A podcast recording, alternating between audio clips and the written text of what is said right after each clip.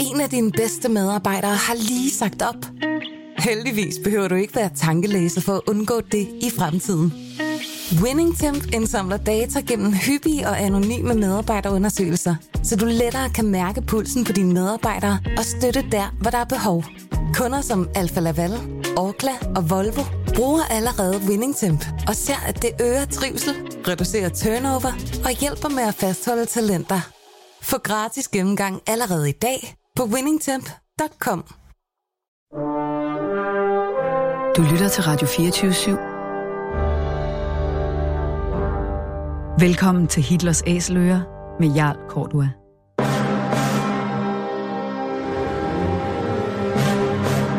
Velkommen til programmet Hitlers Æseløer, et program om bøger om den anden verdenskrig. Mit navn er Jarl Kortua.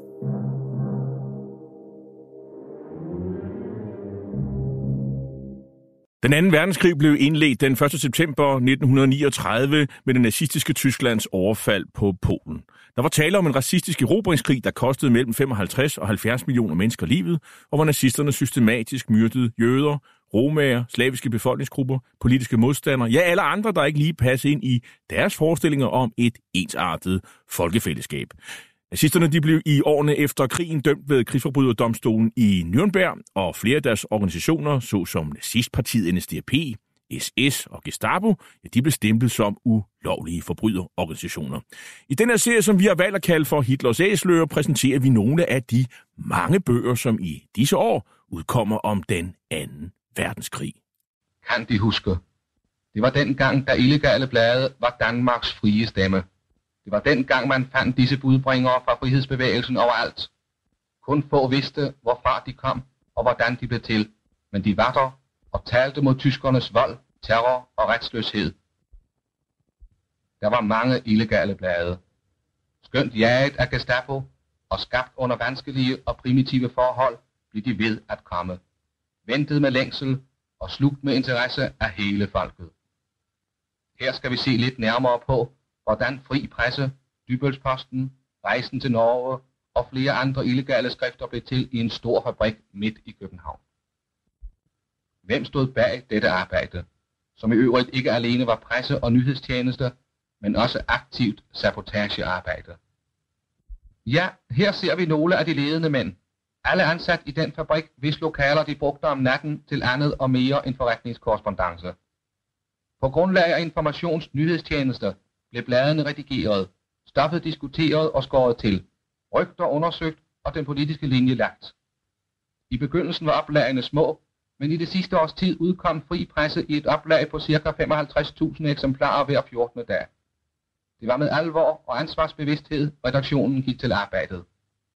Jeg vil høre her den øh, senere legendariske reporter Gunnar Hansen fra før han blev kendt som Nu Hansen, der kommenterer en film om modstandsbevægelsens arbejde, der især her handler om den illegale pres. Og jeg skal derfor nu byde velkommen til dig, Niels Biver Danielsen, journalist, historiker med speciale besættelsestidshistorie, og du har tidligere skrevet en biografi om øh, Hitlers rigsbefuldmægtige i Danmark, øh, Werner Best, og, øh, og været medforfatter til en bog om Gestapo-chefen Karl Heinz Hoffmann. Niels Biver, du er jo netop udkommet med andet ben af den planlagte firebindsværk om modstandskampen, og det hedder netop Modstand. Og, øh, og den her udgave hedder Samarbejdets fald og udkommet på Politikens forlag. Og vi har tidligere i udsendelse nummer 16 om modstandsbevægelsens rødder hørt om dine bevæggrunde for at skrive modstandsbevægelsens historie. Jeg har dog bemærket i dette nye bind, at du gør en del ud af at beskrive modstandskampen andre steder i landet end kun i København. Er det bevidst? Og velkommen til programmet. Jo, tak skal du have. Jamen, det er fuldstændig bevidst. For det første, så synes jeg, det er, øh, øh, det er vigtigt, at øh, hvis man sætter sig for at skrive hele modstandsbevægelsens historie, så skal man i alle egne af landet kunne se, at det er en øh, landstækkende skildring, der finder sted, om man så bor i øh, Vestjylland eller på Bornholm. Der er ikke øh, ting fra hver enkelt bestemte landsdel med i hvert bind, men øh, alle regioner øh, vil blive præsenteret i løbet af de fire bind. Og så er der også det, at i øhm, øh, mange bøger om modstandskampen, øh, der er det tungt københavnsk vægtet, fordi øh, BOPA og Holger Danske, de store kendte organisationer der, øh, de var i København, og der var Frihedsrådet, der øh, stort set bestod af københavnske medlemmer. Det var der, den politiske proces øh, var centreret.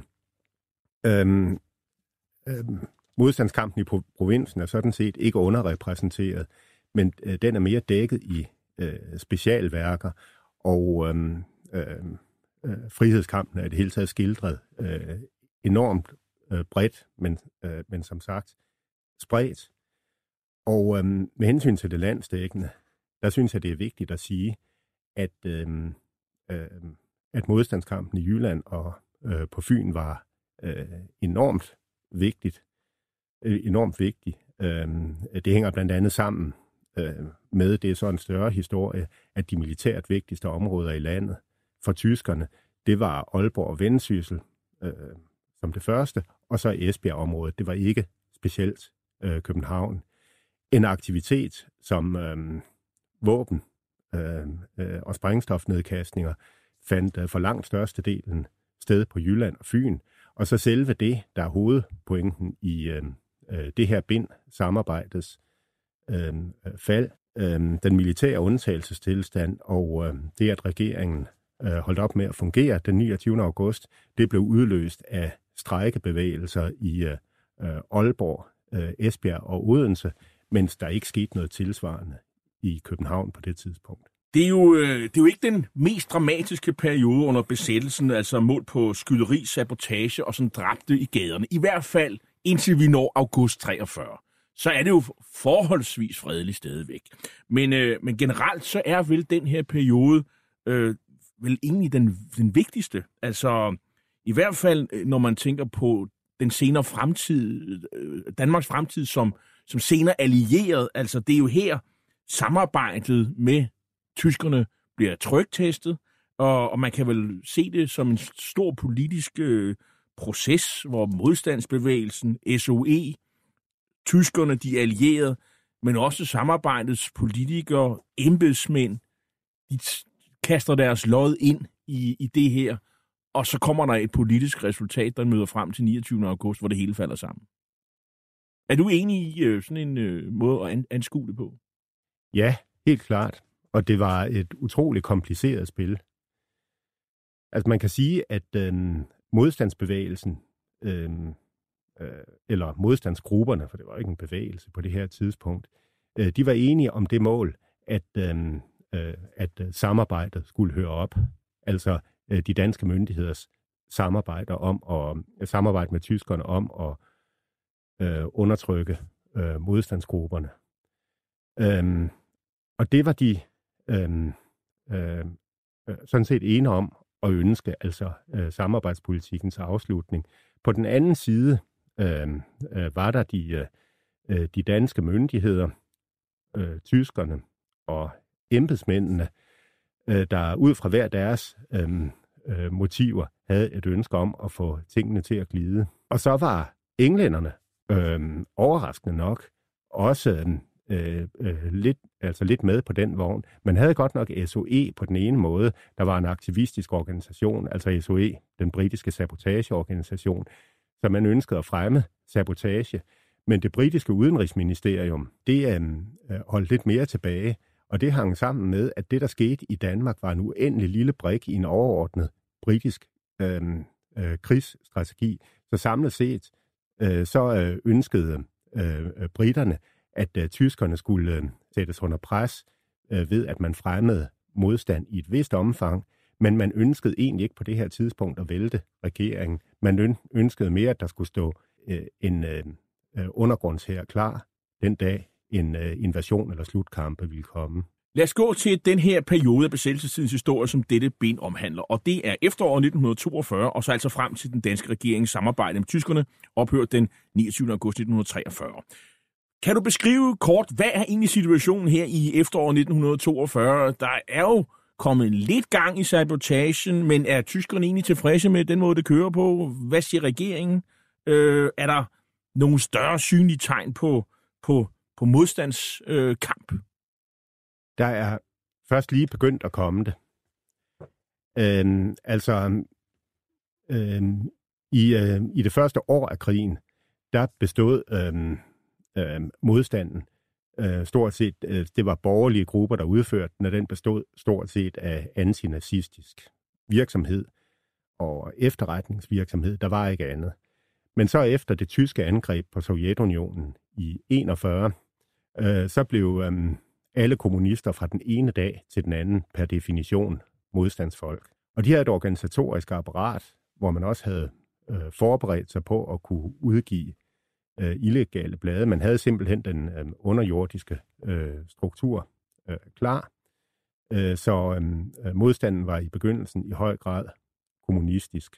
Da man kom ind i 1942, øh, øh, begyndte øh, øh, kommunisterne også at arbejde systematisk med sabotage. Men man skulle hen til juli 42, øh, altså 27 måneder efter øh, besættelsen øh, øh 9. April 1940, før der første gang kom en betydningsfuld sabotage. Så øhm, det var så også et tegn til, at tingene øh, øh, begyndte at ændre sig i efteråret 1942. Tyskerne havde betragtet Danmark som et venligt sindet land indtil det her øh, tidspunkt. Det øhm, øh, gjorde man nu øh, altså knap så meget, øh, øh, og øh, slet ikke, da den øh, øh, københavnske befolkning tog øh, altså meget unådigt mod de østfront frivillige.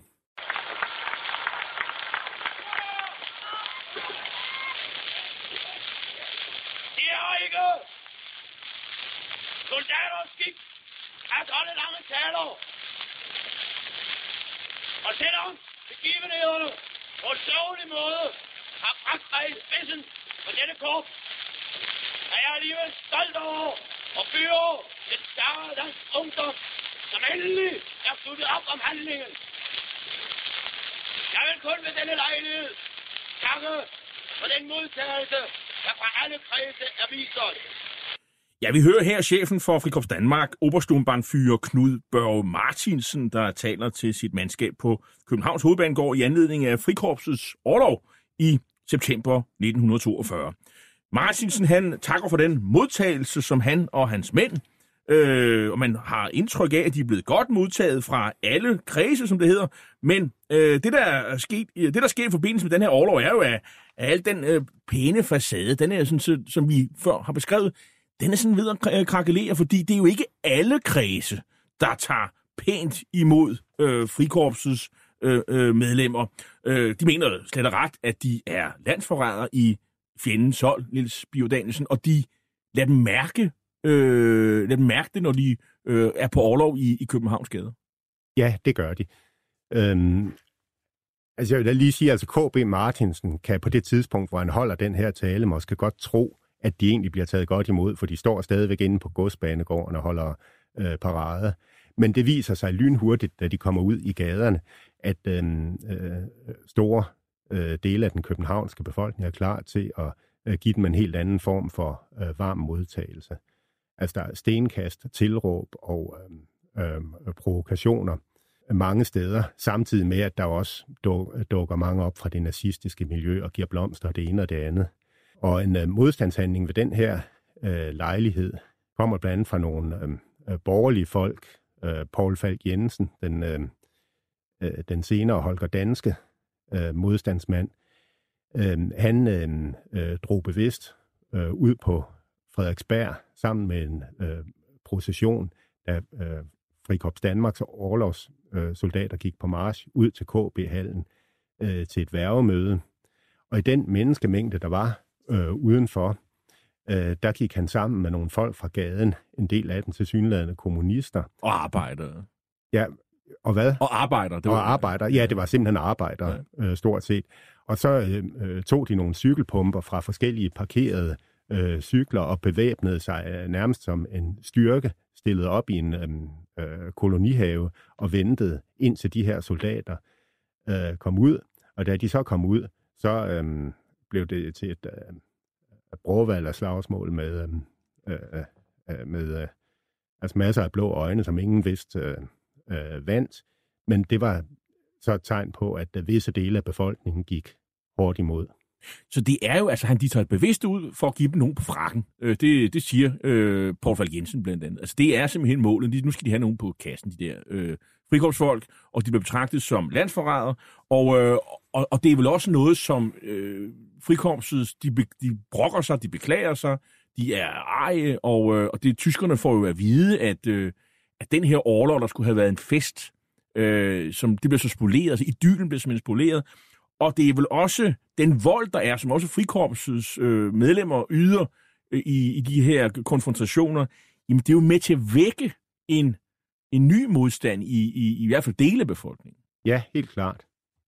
Og, øhm, øh, og så er det også, øh, tror jeg, et udtryk for, at der er i dele af befolkningen, øhm, øh, hvor, der har, hvor der har været en modstandsvilje tidligere, men det har virket helt overskueligt. Hvordan kunne man komme i gang med noget, der var realistisk? Hvor skulle man få kontakter? Og for langt de fleste, der tog skridtet ind, øh, der viste sig at være bladarbejde eller efterretning, øh, der, var, øh, der var det realistiske. Men øhm, øh, øh, nu er altså sådan nogle typer, som for eksempel Paul Falk Jensen, og så også de øh, kommunister, øh, der var med der, øh, de øh, så så en chance i at øh, starte nogle slagsmål. Man kunne også nævne andre ting, der ligesom er med til at ødelægge stemmen. Altså, kongen har jo kommet til at, at, at sende et... Øh, han har fået et telegram fra Hitler i anledning af sin fødselsdag, og så svarer han på det i sådan en rimelig kort øh, form, som øh, ophisser øh, føreren i, i og som skaber nogle kurer på tråden mellem øh, Berlin og, øh, og København. Med telegramkrisen. Ja, og det er jo i virkeligheden en ret øh, latterlig anledning, og i virkeligheden en, en uh, påskud, til at konklu- påskud til at konkludere på hele den her situation. For øhm, øhm, altså krisen, øhm, øh, den øh, øh, bryder ud, øh, fordi øh, Christian 10. besvarer øh, førerens øh, telegram med øh, bare skrive øh, bedste tak øh, for... Øh, Spreche meinen besten Dank aus, tror jeg, han skriver. Lige præcis. Øh, og det skrev Christian den 10. i øvrigt altid. Det var sådan et standardsvar. Ja, ja det var et uh, standardsvar. Men det synes tyskerne altså, og, og føreren specielt, at uh, det var uforskammet. Og det førte til hjemkaldelse af uh, gesanter. Uh, der var seks uger uden diplomatisk uh, uh, forbindelse. Og en gesandte på det her tidspunkt, det samme som vi kalder for en ambassadør i dag. Ja, præcis. Øh, og øhm, øh, der gik seks uger, hvor øh, en, en slags nervekrig, hvor man ikke øh, rigtig vidste, øhm, øh, hvad der skulle ske. Og det var altså en overgang til en anden fa- fase, for tilfældigvis så trådte general Hermann von Hanneken til som øh, de tyske, den tyske besættelseshærs øverst kommanderende på det her tidspunkt. Øh, det lignede en tanke. Det var nu planlagt øh, et par måneder i forvejen, så det var, øh, det var rent tilfældigt. Men han... Uh, øh, kom hurtigt med nogle helt andre tiltag end den tidligere general, der havde ført en meget mild og diplomatisk kurs over for de danske myndigheder. Og han kræver for eksempel en, en krigsret for, for sabotører. Det er jo blevet en af de ting, han, øh, han, han mener, der skal, der ja. skal ske. Øhm... Og det betyder, at man begynder sådan at, som siger, begynder at blande sig i en dansk øh, juristisk... Altså, ja. øh, den måde, vi skal vi dømmer folk på, det skal være en dansk ret, der skal dømme øh, forbrydere, eller folk, der har forbrudt sig på dansk lovgivning. Ja, Jamen, der, øh, der er to dele til, øh, altså til det svar. Von Hanneken, han kommer dels til landet og handler som en helt gennemsnitlig tysk officer, ville have gjort tilsvarende øh, i, i hans sted. Tyskerne er begyndt at komme i problemer på Østfronten i krigen øh, øh, mod russerne, og øh, Hitler beordrer øh, ved den lejlighed, at øh, sabotører, der bliver pågrebet, skal dødstømmes. Og øhm, da der ikke er mulighed, da øh, de danske myndigheder har øh, politimyndigheden og domsmagten i Danmark, og der ikke er dødsstraf i Danmark, øh, så kan det ikke lade sig gøre, og derfor indfører han krigsret. Og øh, så bliver Danmark også på det her tidspunkt øh, gjort til operationsområde, fordi det pludselig begynder at blive realistisk, at der kan komme en invasion vestfra på grund af problemerne øh, på Østfronten. Og det gør så, at øh, den danske her øh, skal forlade Jylland, og at øh, den tyske værnemagt simpelthen øh, flytter til Jylland. De flytter hovedkontoret til Jylland øh, i virkeligheden. Ja. Øhm, hovedkontoret, altså ja, ja, kommandoen. kommandoen. Ja, der går så et år inden kommandoen øhm, øh, bliver, øh, bliver flyttet til Jylland. Øhm, et, et stykke tid endnu, også, øh, også frem til den 29. august, der er den på, øh, på Nybode og skole i København. Men alle de her ting med, med von Hanneken, øh, som vi har talt om her, det sker i, her i det sene efterår 1942? Ja, det gør det. Og der, øh, øh, altså for, øh, for at tage det, du nævner med, at øh, øh, den danske politimyndighed øh, bliver, øh, bliver undermineret. Altså det er, øh, krigsretten her, øh, øh, eller, eller krigsretten her er et kraftigt tegn på. Danskerne havde beholdt den øh, nogenlunde intakt til sommeren 42. Men så var der en sag om noget illegal bladvirksomhed, hvor øh, tyskerne forlangte at få de anholdte udleveret til afhøring, øh, inden de blev leveret tilbage til de danske myndigheder. Efter den øh, første store sabotage, som, øh, som jeg nævnte, øh, så forlangte tyskerne, at de fremover ville underrettes, når dansk politi tog fat på øh, efterforskning af en sag i tysk interesse. Man ville ikke vente på at blive underrettet bagefter. Og så ud på efteråret, da øh, bekæmpelsen af kommunisterne, af de danske kommunister, øh, øh, for alvor øh, øh, begynder, der forlanger øh, tyskerne at være til stede øh, ved nogle af de vigtige øh, afhøringer, og de forlanger også at kunne være til stede, øh, når dansk politi tager ud på øh, forskellige vigtige anholdelsesaktioner og deltager i rensagningen. Og det betyder, og selvom det er et øh, samarbejde, der er påtvunget for dansk politi, det er jo ikke noget, man kan forklare udadtil, så der er store dele af befolkningen, der får indtryk af, at dansk politi samarbejder med tysk politi. Heute wollen wir marschieren.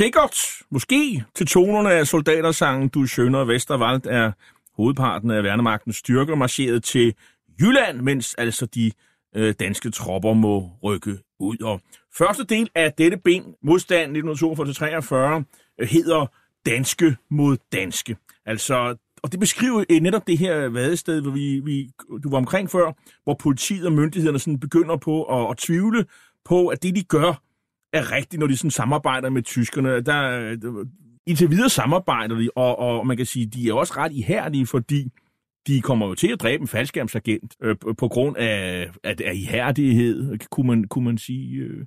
Ja, det der også er med til at optrappe situationen, specielt i september øh, 42, det er, at øh, øh to øh, danske, britisk trænede faldskærmsagenter om, øh, omkommer under danske politiaktioner. Den, øh, I den første af sagerne, der begår han selvmord. Den, der især er kendt, det er øh, øh drabet på øh, øh SOE-chefen Christian Michael Rotbøl, øh, en, øh, en øh, kun 25-årig mand på øh, Østerbro i øh, København. Og det hænger sammen med, at noget dansk politi er nødt til at gøre øh, som modydelse for, at man beholder politimyndigheden, det er, at man må sætte ind over for britisk trænede øh, faldskærmsagenter, der er her for at bekæmpe den tyske øh, tilstedeværelse i landet. Øh, den tyske militære efterretningstjeneste Abwehr øh, arbejder i Danmark, og øh, på et tidspunkt i september henvendte de sig til dansk politi om, at man havde oplysninger om, at i en bestemt lejlighed øh, derude på Østerbro, der opholdt den her faldskærmsagent sig, øh, og man måtte bede om, at øh, dansk politi tog ud og anholdt ham. Det gjorde man så, og øh, altså det var altså en anholdelsestyrke, øh, som øh, altså en størrelse, fordi man vidste, at det øh, formentlig var en farlig modstander, en mand, der ville, øh, der ville sætte sig til modværge. Altså under øh, altså lidt uopklarede omstændigheder, så kom det til en skudveksling, og øh, Rotbøl han blev dræbt med øh, øh, hele 13 skud i det øh, soveværelse, øh, hvor han opholdt sig. Så det var meget voldsomt den her situation, vi nu, du, du har beskrevet her, og så den en, en anholdelse af nogle andre faldskærmsagenter øh, på et senere tidspunkt, og øh, som siger, kommunisterne, der bliver interneret i Horserød, og som ikke slipper ud øh, i 29. august. Det er tre eksempler på, hvor man siger, hvor dansk politi og embedsmændsapparatet måske har været lige lovlige i her med hensyn til at hjælpe tyskerne. Det, det, er, ikke, det er ikke de smukkeste stunder for, for dansk politi. Nej, det er det bestemt ikke. Og det er jo med til at, hvad skal man sige, understrege, at at vi er et vadested her, fordi det er jo ikke alle politifolk, der arbejder på den her måde, og som viser den her ihærdighed. Det rummer din bog jo eh, mange eksempler på. Det er jo lige her omkring, at man kigger den anden vej, når, dansk politi øh, støder på modstandsfolk, illegal presse. Øh, de er ikke ihærdige alle steder til at, at fjerne for eksempel blade, der ligger og flyder et eller andet sted, hvis de har lavet en ret. Nej, og øh, jeg får at springe til, øh, øh, altså til et helt andet sted. Hvidestengruppen for eksempel ville aldrig have kommet til at virke, hvis, øh, øh, altså hvis politiet på Randersegnen havde været lige så, øh, øh, så nidkært som i det her tilfælde. Men i øvrigt med hensyn til, øh, til Rødbøl, der er det særligt tragisk, for der var faktisk på det her tidspunkt lavet en, uoffic- øh, en uofficiel aftale om, at øh, dansk politi og SOE-agenter skulle undgå at skyde på hinanden. Men den var bare ikke blevet kommunikeret ned øh, til de politifolk, der rykkede ud. Når vi er omkring årsskiftet 1943, så er det også der, hvor, hvor, hvor Stalingrad... Øh, man ved jo ikke, at, øh, at, at, at en måneds tid senere, så er, er, er tyskerne, har tyskerne kapituleret ved Stalingrad. Men det er ligesom her, man også begynder at optrappe, og, og hvad hedder det, de ledende figurer i den illegale presse. Det tænker, jeg tænker på specielt på Mogens Fogh og andre, begynder at opfordre til, at nu skal man altså gøre noget mere. Christmas Møller er en, der opfordrer til tingene. Altså, og det er den illegale presse, der vil skaber en, øh, begynder at opfordre direkte, altså som, altså politiske tidsskrifter, hvor man dels informerer om, hvad der foregår, men også skriver, nu gå til modstand, kære venner. Nu, vi, vi, skal have, vi skal have de her mennesker ud af vores land. Ja, og det er, øh, og ordet sabotage øh, er det springende punkt på det her tidspunkt. For kommunisterne øh, har jo reelt lavet sabotage siden, øh, Øh, siden foråret 1942, men de undgår at bruge ordet offentligt, for det vækker modvilje i befolkningen, og specielt hvis det bliver knyttet til, øh, til kommunisterne.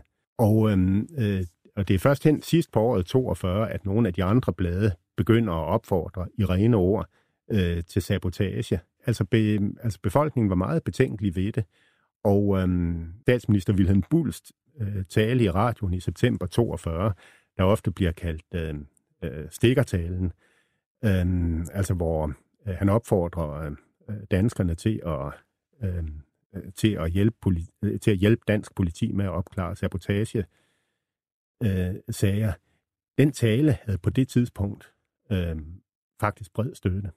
Men nu skriver Mogens Fogh i, øh, i, i berømt brev, dråber om dråber i havet. Altså hvis man alle sammen giver et lille besøg med, eller, eller hjælper lidt til her og der, så kan det få betydning. Det skriver han i december 1942. Den, den, det brev, øh, i, øh, som udkommer i, øh, i, det, i Fri Danmarks øh, øh, illegale blad, så vidt jeg husker, øh, den får betydning. Det gør det. Fordi det er øh, altså fantastisk øh, øh, velformuleret, og det tager øh, fat i nogle tanker, som, øh, som mange danskere har gjort sig. Og så er det også det, at øh, øh Måns øh, Fogh er en øh, kendt og respekteret øh, øh, læge, og en af de meget få modstandsfolk, som man faktisk kan sætte et ansigt på. Vi søgte gennem mange måneder at klare os igen. Men i løbet af forholdsvis kort tid forstod man gennem sabotørernes fortræffelige arbejde, gennem deres pionerarbejde for at føre Danmark i krig, at det var nødvendigt for det danske folk selv at klare sin skæbne, at vi ikke ville blive fri alene ved andres gerning, men vi ville selv hjælpe med. Ja, vi hører her øh, den konservative John Christmas Møller i propagandafilmen Det kæmpende Danmark fra 1944, altså en slags illegal film i virkeligheden, der fortæller om, hvorfor danskerne, eller rettere nogle danskere, øh, gik til modstand. Og øh, det er Mogens Fogh Christmas Møller, der sådan spiller hovedrollerne på det her tidspunkt i agitationen, øh, men de er ikke altid enige øh, om, hvad der skal ske, øh, og, og hvilken holdning man ligesom har til, til de her ting, øh, Niels Bjørn Danielsen. Nej, øh, men de to, øh, de har et samarbejde, der bliver helt vitalt for den, øh, øh, for den videre udvikling øh, af modstandskampen. Øh, men øh, altså det, de står for, er øh, som udgangspunkt fuldstændig forskelligt. Få er kommunist, øh, og selvom det var noget, han nedtog noget, øh, noget under krigen, øh, han havde været øh, øh, altså meget intensivt med i en, øh, en årrække øh, for øh, altså partiet, der arbejdede for proletariatets diktatur.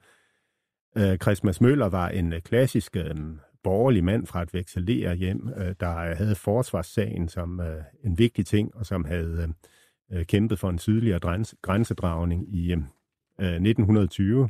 Men der var det, der bandt dem sammen, at de kom fra øh, de samme sociale øh, miljøer i København. Øhm, øh, og øh, kommunisterne havde fra starten øh, i 41 øh, øhm, øh, rakt hånden ud til et tværpolitisk samarbejde. Det var, da, det var da bestemt ikke alle konservative, eller det var i virkeligheden meget ret få konservative, der var klar til at række hånden den modsatte vej, men Christmas Møller var en af dem. We shall defend our island, whatever the cost may be. We shall fight on the beaches. We shall fight on the landing grounds. We shall never surrender. Du lytter til Hitlers Æseløer på Radio 24 Et program om bøger om 2. verdenskrig med Jarl Cordua. I give you a toast, ladies and gentlemen. Og i dag har jeg besøg i studiet af historiker og forfatter Niels Bjørn Danielsen, der har skrevet andet ben i sin øh, firebinds øh, værk om øh, modstandsbevægelsens historie. Den hedder Modstand, og andet ben hedder Samarbejdets fald, og øh, berører perioden øh, efterår 1942 til øh, efterår 1943, ud- og, og det, bogen er udkommet på Politikens forlag. Niels Bjørn Danielsen, øh, vi er netop omkring starten af 1943. Øh, modstandsarbejde begynder mere og mere at handle om at skaffe sprængstof, og, øh, og der har man jo SOE til at, at skaffe det. De smider det ned i nogle container, og så bliver det så samlet op af Hvidstensgruppen blandt andet. Men SOE, som er den her nye organisation, øh, som jo senere hen får skikkelsen Flemming B. Mus, øh, øh, efter de har sendt flere forskellige steder, og nogle af dem er jo blevet dræbt, har vi jo kunne høre før. Man har nogle startproblemer, fordi man øh, rekrutterer måske sådan lidt øh, i det blinde øh, i- over i, i Storbritannien med de folk, man sender afsted. Ja, der var nogle faldskærmsagenter, der ikke viste sig at være altså velegnet. For eksempel øh, den agent, man sendte til, øh, til Frederikshavn, der opførte sig så amatøragtigt. Han hurtigt blev arresteret af øh, dansk politi. Og så selvom han var trænet under uddannelsen i at modstå afhøringer, altså så plaprede han ud med alle mulige oplysninger i løbet af ganske kort tid. Og det var, det var faktisk en meget farlig øh, situation. Og der var en anden agent, som man simpelthen blev nødt til at likvidere, øh, øh, fordi man kunne se, at han systematisk talte over sig forskellige steder. Ja, han, endte- han endte i en sø oppe i Nordsjælland. Lige præcis, ja. Der er jo også, det er også det her på det tidspunkt, hvor kommunisterne og borgerlige begynder at finde sammen, fordi det her er jo også historien om, hvordan øh, Danmarks Frihedsråd bliver til. Og det, det, det sker jo langsomt. Øh, og det, men det handler jo om, at kommunisterne, de er gode til, til at, hvad skal man sige, sabotage med sprængstof. De har bare ikke meget sprængstof. Øh, men der er nogle eksempler på, at man finder sammen øh, lidt tilfældigt i virkeligheden. Ja, øh, og øh, altså om Mogens Fogh og Christmas Møller er et godt eksempel, øh, fordi det bliver, øh, altså sammen med Børge Hovmand, der bliver det indgangen øh, til, frit, øh, til Frit Danmark. Og her har kommunisterne organisationen, som de har opbygget øh, øh, lang tid i forvejen. Det er dem, der står for alt det organisatoriske i lang tid. Mens øh, på det politiske plan, der er man nødt til at have Christmas Møller øh, øh, som den øh, mand, der lægger stemme til den svære politiske opfordring. Eller mens han, mens han var i landet, øh, der lagde han ikke, øh, altså der lagde han jo ikke navn til, øh, naturligvis. Men han, øh, han skrev på en måde, så man kunne se, at det var en borgerlig, øh, der, havde skrevet, øh, der havde skrevet det. Og hvis vi så øh, øh, senere tager et eksempel fra selve fra sabotagen i marken, da, da sabotagen så er blevet til virkelighed. Øh, den første Holger Danske gruppe øh, går ind i sabotagen i foråret øh, 1943. Øh, den består først og fremmest af tidligere finlandsfrivillige, der har øh, masser af våbenerfaring, men de ved ikke rigtig noget om sprængstoffer. Og så får man øh, en instruktør øh, stillet til rådighed af den kommunistiske sabotageorganisation. Og det er blikkenslageren Sprængsmidt. Ja. Men der er jo, skal man sige, generelt i faktisk gennem hele modstandsbevægelsens øh, tid en, en, en, en, hvad skal man sige, en, en, en konflikt eller en mistænksomhed mellem borgerlige og kommunister. Øh, men de samarbejder alligevel, øh, trods alt. Der er også nogen, der kigger meget skævt til dansk samling, som man mener har, sådan, i hvert fald i 30'erne, har haft sådan nogle idéer om, øh, at man skulle ligesom afskaffe demokratiet øh, på, på sin vis. Øh, men de er de, nogle af de mest ihærdige modstandsfelt allerede på det her tidspunkt. Øh, den samling folk. Og øh, så man finder alligevel sammen. Man samarbejder jo øh, stille og roligt øh, alligevel om den fælles sag. Jamen, det gør man. Ja, det er jo egentlig øh, overraskende med dansk samling, for det lille parti, og det er så lille, at, at ved valget 1939 var det ikke engang blevet øh, repræsenteret i Folketinget. Men øh, i de første år af besættelsen, der havde det været utænkeligt, at øh, faldskærmsagenterne fra SOE kunne være kommet til at fungere i Danmark, hvis det ikke havde været for, um, for dansk samlingkredsene og netværkene. For det var dem, der hjalp dem lige efter øh, landingen til husly til at komme, øh, komme videre og sådan noget. Øh, så det var et aktivistisk øh, miljø. Så da det folketingsvalg kom i marts 43, der var et fuldstændig særsyn i det øh, tysk besatte Europa, så stillede der faktisk et øh, modstandsparti op i form øh, af dansk samling. Men øh, der var ikke øh, nogen, der rigtig ville støtte det politisk, fordi man havde øh, tankerne øh, på den fløjt med, med fascismen, som de havde haft i 30'erne. Rigsdagsvalget, som du netop nævner i øh, 23. Marts 1943, er jo sådan en, en manifestation af opbakning til dansk demokrati, selvom kommunisterne jo ikke må stille op og så videre, og, der, og, og bliver der faktisk modstandsbevægelsen. Skal man øh, stemme? Skal man stemme blankt? Øh, hvad skal man? Øh, øh, men, men det overkommer man også, trods, trods uenighed omkring det. Altså i virkeligheden er det, øh, er det fantastisk godt set af Werner Best, øh, der var en øh, mestertaktiker, og lade det her valg øh, afholde, øh, altså som, øh, som et eksempel på, at man kunne få gode forhold i øh, det tysk besatte Europa, øh, hvis man samarbejder. For det har øh, klart også været en del af hensigten øh, at splitte modstandsbevægelsen. Og det lykkedes, øh, skal jeg love for. For øh, øh, valgparolerne, de stridede i øh, øst og vest. Øh, kredsene bag de frie danske, Øhm, øh, det borgerlige illegale blad, der havde været modstandsaktivt lige fra 1941, de opfordrede til at stemme på de fire samarbejdspartier, mens de så afstand fra dansk samling. Øhm, øh, sådan et øh, nationalborgerligt øh, blad, Hjemmefronten, de kom med en anden variant. Øhm, øh, stem på Venstre, øh, øh, konservativ eller Socialdemokratiet eller Dansk Samling, men ikke på de radikale, som er, øh, man, regnede, altså man anså dem for at have hovedskylden for, øh, øh for den 9. april. Øhm, og, og der var helt kaos i Frit Danmark-organisationen, der, var, der havde en øh, tung kommunistisk vægt imod i ledelsen. Man sagde først stem blankt, men det var der nogle af lokalorganisationerne, der gik imod og ville have en, en anden parole. Og øh, så endte man med et kompromis, stem på valgdagen, om det så skal være blankt. Der er jo mange historier, øh, man kunne nævne fra, fra din bog, Niels Danielsen, blandt andet, at det var Børge Hovmanden og Elias Nielsen, som opfinder ordet frihedskæmper i, i, i år 1942, og det sker vel også i de her illegale blade, og, og Erling Foss kunne man også nævne, en anden øh, mand, der laver illegale blade, han opfinder udtrykket værnemager i, i foråret 1943, og det er jo sådan til beskrivelse af de virksomheder, som samarbejder med, med, med tyskerne. Øhm, og det er også på det her tidspunkt, øh, hævder i hvert fald øh, fru Jacobsen, at han, at han får ideen til en stor dansk modstandsbevægelse, og de mødes faktisk omkring grundlovsdagen 1943, men det er altså uden kommunisterne. Øh, og der, men, men, men der er der en, de første tegn på, at man, at man vil samarbejde, men man har ikke fået dannet organisationen endnu. Men når vi når hen omkring øh, sommer 1943, så sker der jo en general optrapning. Der er for eksempel augustoprøret, vi kan jo, som jo også fylder en del i din bog. Hvordan begynder det? Fordi det udvikler sig jo til folkestrækker, blandt andet i Odense og senere i Aalborg, med, med, med, med folk, der bliver slået ihjel øh, i forbindelse med det her. Og så sker der bare en optrapning af, af sabotage, øh, som er virkningsfuld. Ja, helt klart. Og på det her tidspunkt, øh, foråret, forsommeren 1943, øh, der begynder det at få en virkning, at øh, britterne har kastet øh, våben og agenter øh, ned ved Hvidesten Øh, ikke bare én gang, men er, har fortsat med at gøre det i en hel periode. Og det lykkedes at få det materiel øh, distribueret øh, over store dele af landet, og også at få en del af det øst for Storebælt, hvad der ellers var svært øh, på det tidspunkt. Øh, og som opfølgning på det, så er det lykkedes at få dannet sabotagegrupper en hel del steder. Og så samtidig så sker der ting i krigsudviklingen.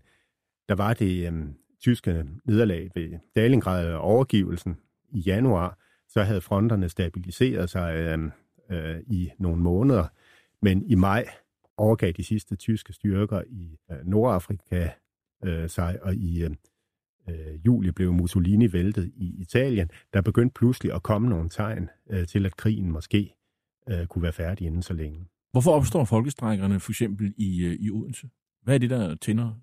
Og det får jo også betydning det får stor betydning. Altså det handler om en øh, øh, kritisk begivenhed, hvor, øh, hvor modstandsfolk fra faldskærmsorganisationen slår til mod et, øh, øh, mod et vigtigt krigsmål, nemlig en, øh, altså en tysk øh, mine øh, lægger på Odense Stålskibsværft, der er stort set øh, øh, færdig til levering. Det, øh, det får slået siden ind øh, med en ordentlig bombe. Og det, og det er sket på trods af, at man havde forudset sabotagen, og der havde gået øh, bevæbnede vagter rundt på værtsgrunden. Fra det her tidspunkt, så sætter øh, den ansvarlige officer bevæbnede vagter på øh, selve skibet, hvor øh, danske arbejdere øh, så skal arbejde øh, under de her forhold, og det, og det nægter man, og man går i strejke.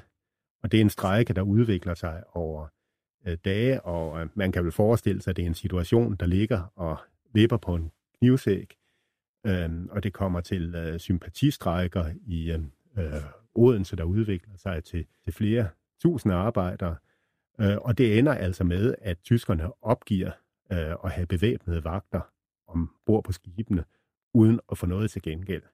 Så det er, det er jo sådan set en, streger for, en, en sejr for de strejkende. Og undervejs så er det sådan, at virksomhederne jo udbetaler løn til, til, til arbejderne, og sådan så der er sådan en ret stor øh, opbakning omkring de her ting. Og så er der jo det her intermezzo ja. med øh, den tyske løjtnant Wieseler, som jo er, øh, har, altså han, øh, han er ret presset på et tidspunkt, hvor han, jo, øh, han er tæt på at blive overfaldet.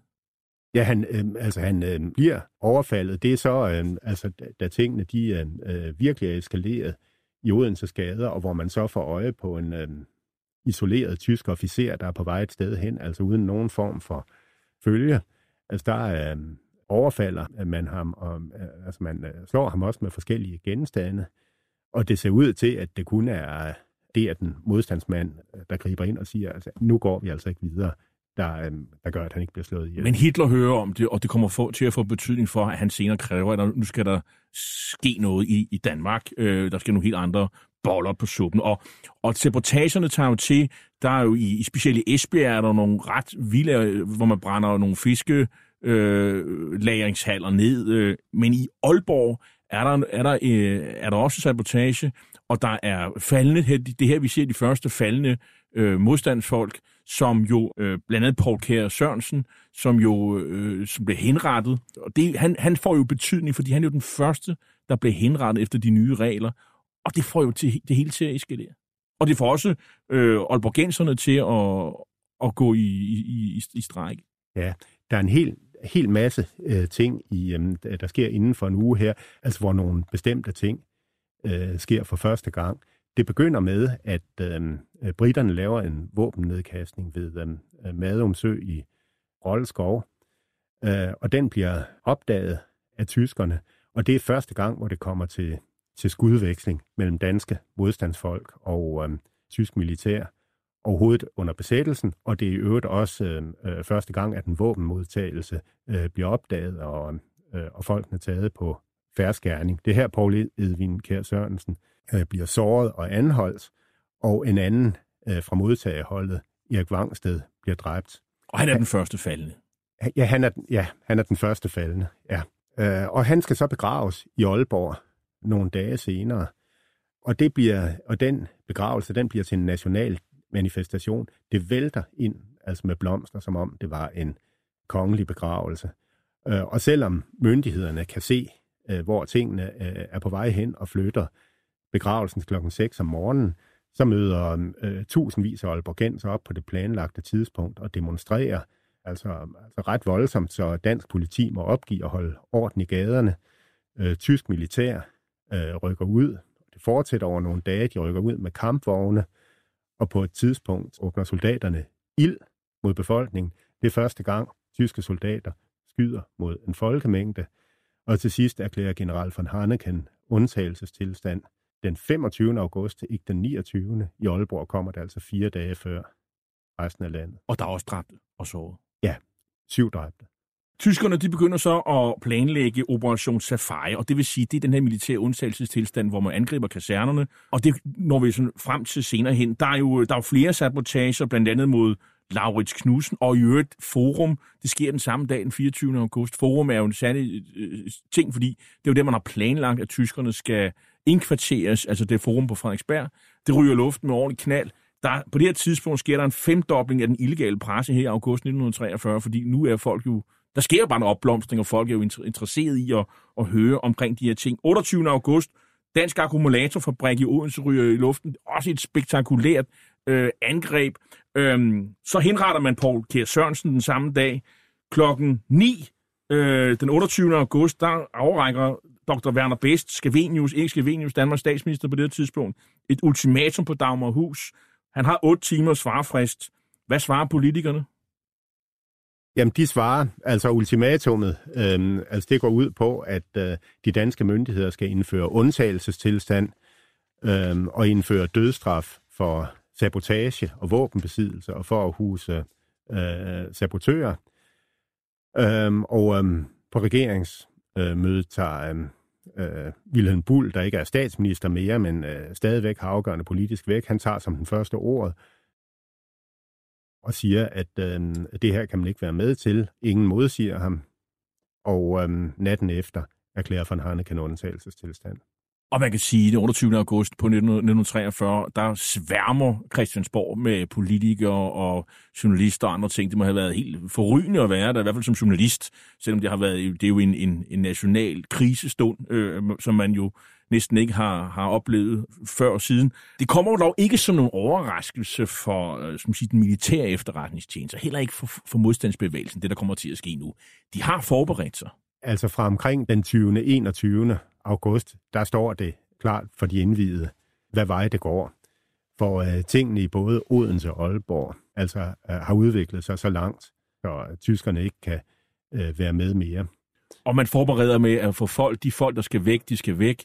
Øh, man fjerner de ting, der skal væk, altså arkiv og så videre, så videre. Så, så, altså, man forbereder sig på, altså Admiral Ved, viceadmiral Ved øh, har jo planlagt, at øh, på Holmen, der skal man øh, ødelægge Øh, fartøjerne osv. Altså, der, man er klar over, at der skal, man fjerner våben fra danske kaserner. Ja, der er det jo så i øvrigt om, altså omdiskuteret med hensyn til, øh, øh, til kasernerne, at man beordrer ikke våben fjernet fra hæren, eller man beordrer sådan set heller ikke flådens skibe sænket. Det er øh, det, det er Admiral Vedel, der, øh, der på egen hånd sætter sig sin stilling ind på, at, at det skal gøres. Så, øhm, øh, men det er, øh, det er meget omdiskuteret, at general Ebbe Gørts øhm, øh, ikke beordrer, øh, eller ikke sørger for, at våbnene bliver ødelagt eller bliver fjernet, men at de, øh, det ender med, at de bare stort set falder i tyskernes hænder. Så øh, efter den 29. august, der sker der så forskellige steder fra nogle udsmuglinger af våben. 29. august 1943, der falder samarbejdet med tyskerne på, på gulvet endegyldigt. Øh, man erklærer undtagelsestilstand i, i Danmark, og, øh, og det er jo også, altså Operation Safari er jo også, at man angriber simpelthen kasernerne. Og øh, hvordan, hvordan forløber det kort? Jamen det er... Øh, det bliver en blodig altså, affære. Altså, det bliver en blodig affære. Nogle, altså nogle steder øh, overgiver man sig uden, at det øh, kommer øh, til kamp. Andre steder kommer det til et kort, øh, øh, kortvarigt forsvar, Odense, Nyborg og øh, Næstved blandt andet. Øh, og det ender med, at øhm, øh, 23 øh, danske soldater og fem øh, tyskere bliver dræbt. Og man kan jo bagefter undre sig over, altså det er jo, for det er jo en totalt selvmorderisk kamp i virkeligheden, men der var mange soldater på det tidspunkt, der var motiveret til det. Det ulmede mere og mere. Der var åbne demonstrationer overalt i landet. Og situationen blev efterhånden så spændt, at man var klar over, at krigen stod for døren i Danmark. Det danske folk kastede endelig masket. Lystmorderens lille kanariefugl viste sig at have væsset næbet, og den 29. august brød krigen ud i lys lue. Undtagelsestilstand, udgangsforbud, vold og overgreb ledsagede sammen med en bølge af arrestationer opløsningen af hærflåde.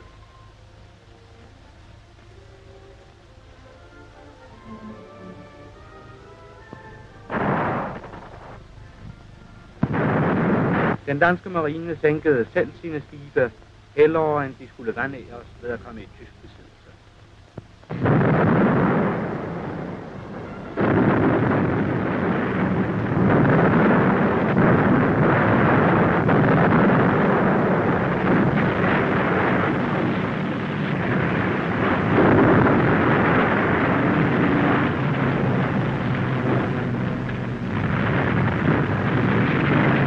Det viste sig, at danskerne ikke var modtagelige for de specielle tyske metoder, som man havde håbet ville lamslå landet og gøre det lammefromt langt ud i fremtiden.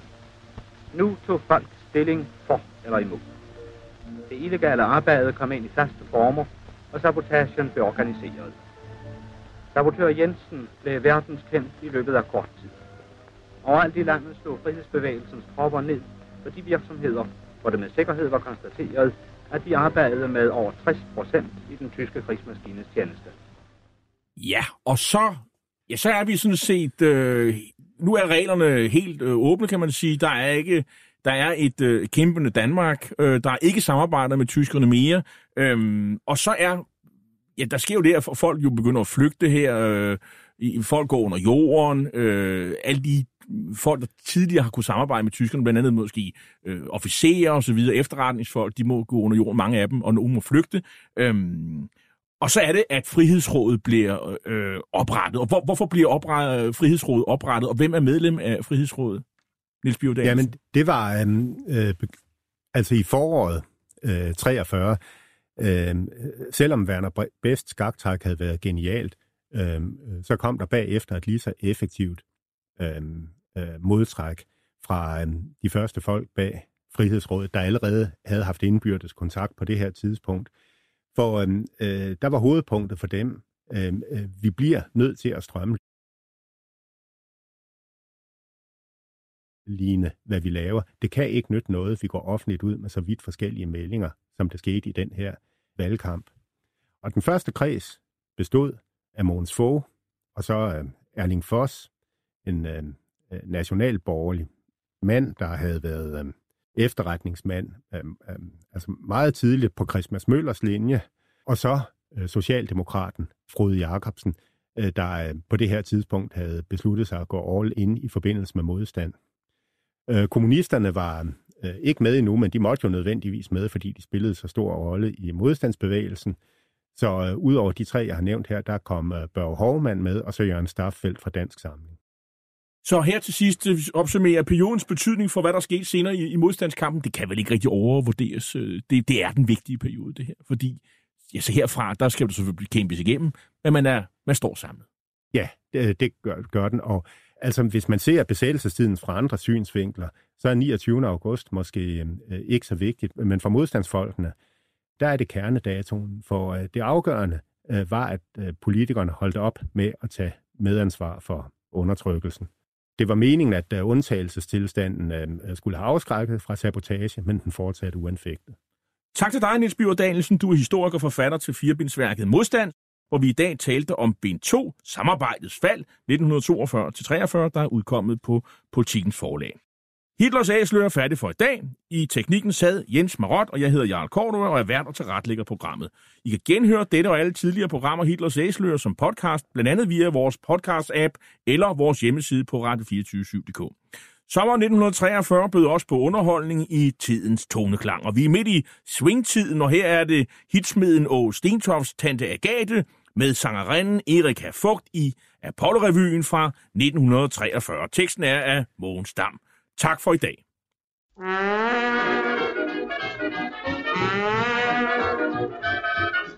Jeg er cirka 87, men der er dog inden i os altid noget, der bobler lidt og siger, bratten, ditten, datten, skitten, hvad du. Hvis jeg skal om hjertet tas, må det foregå i jas. Sådan er nu en gang vi gamle piger.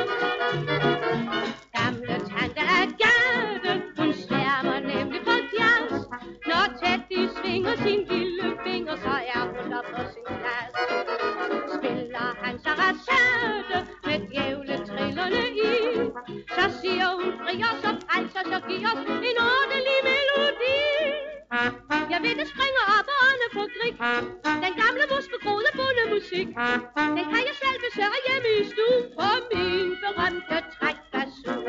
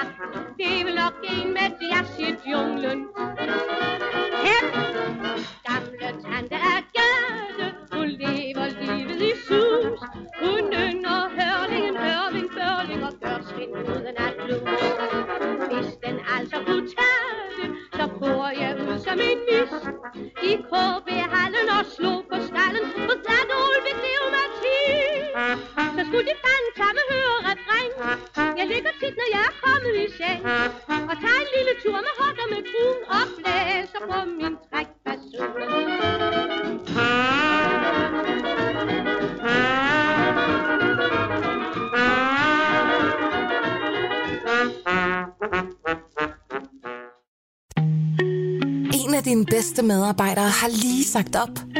Heldigvis behøver du ikke være tankelæser for at undgå det i fremtiden. WinningTemp indsamler data gennem hyppige og anonyme medarbejderundersøgelser, så du lettere kan mærke pulsen på dine medarbejdere og støtte der, hvor der er behov. Kunder som Alfa Laval, Orkla og Volvo bruger allerede WinningTemp og ser, at det øger trivsel, reducerer turnover og hjælper med at fastholde talenter. Få gratis gennemgang allerede i dag på winningtemp.com.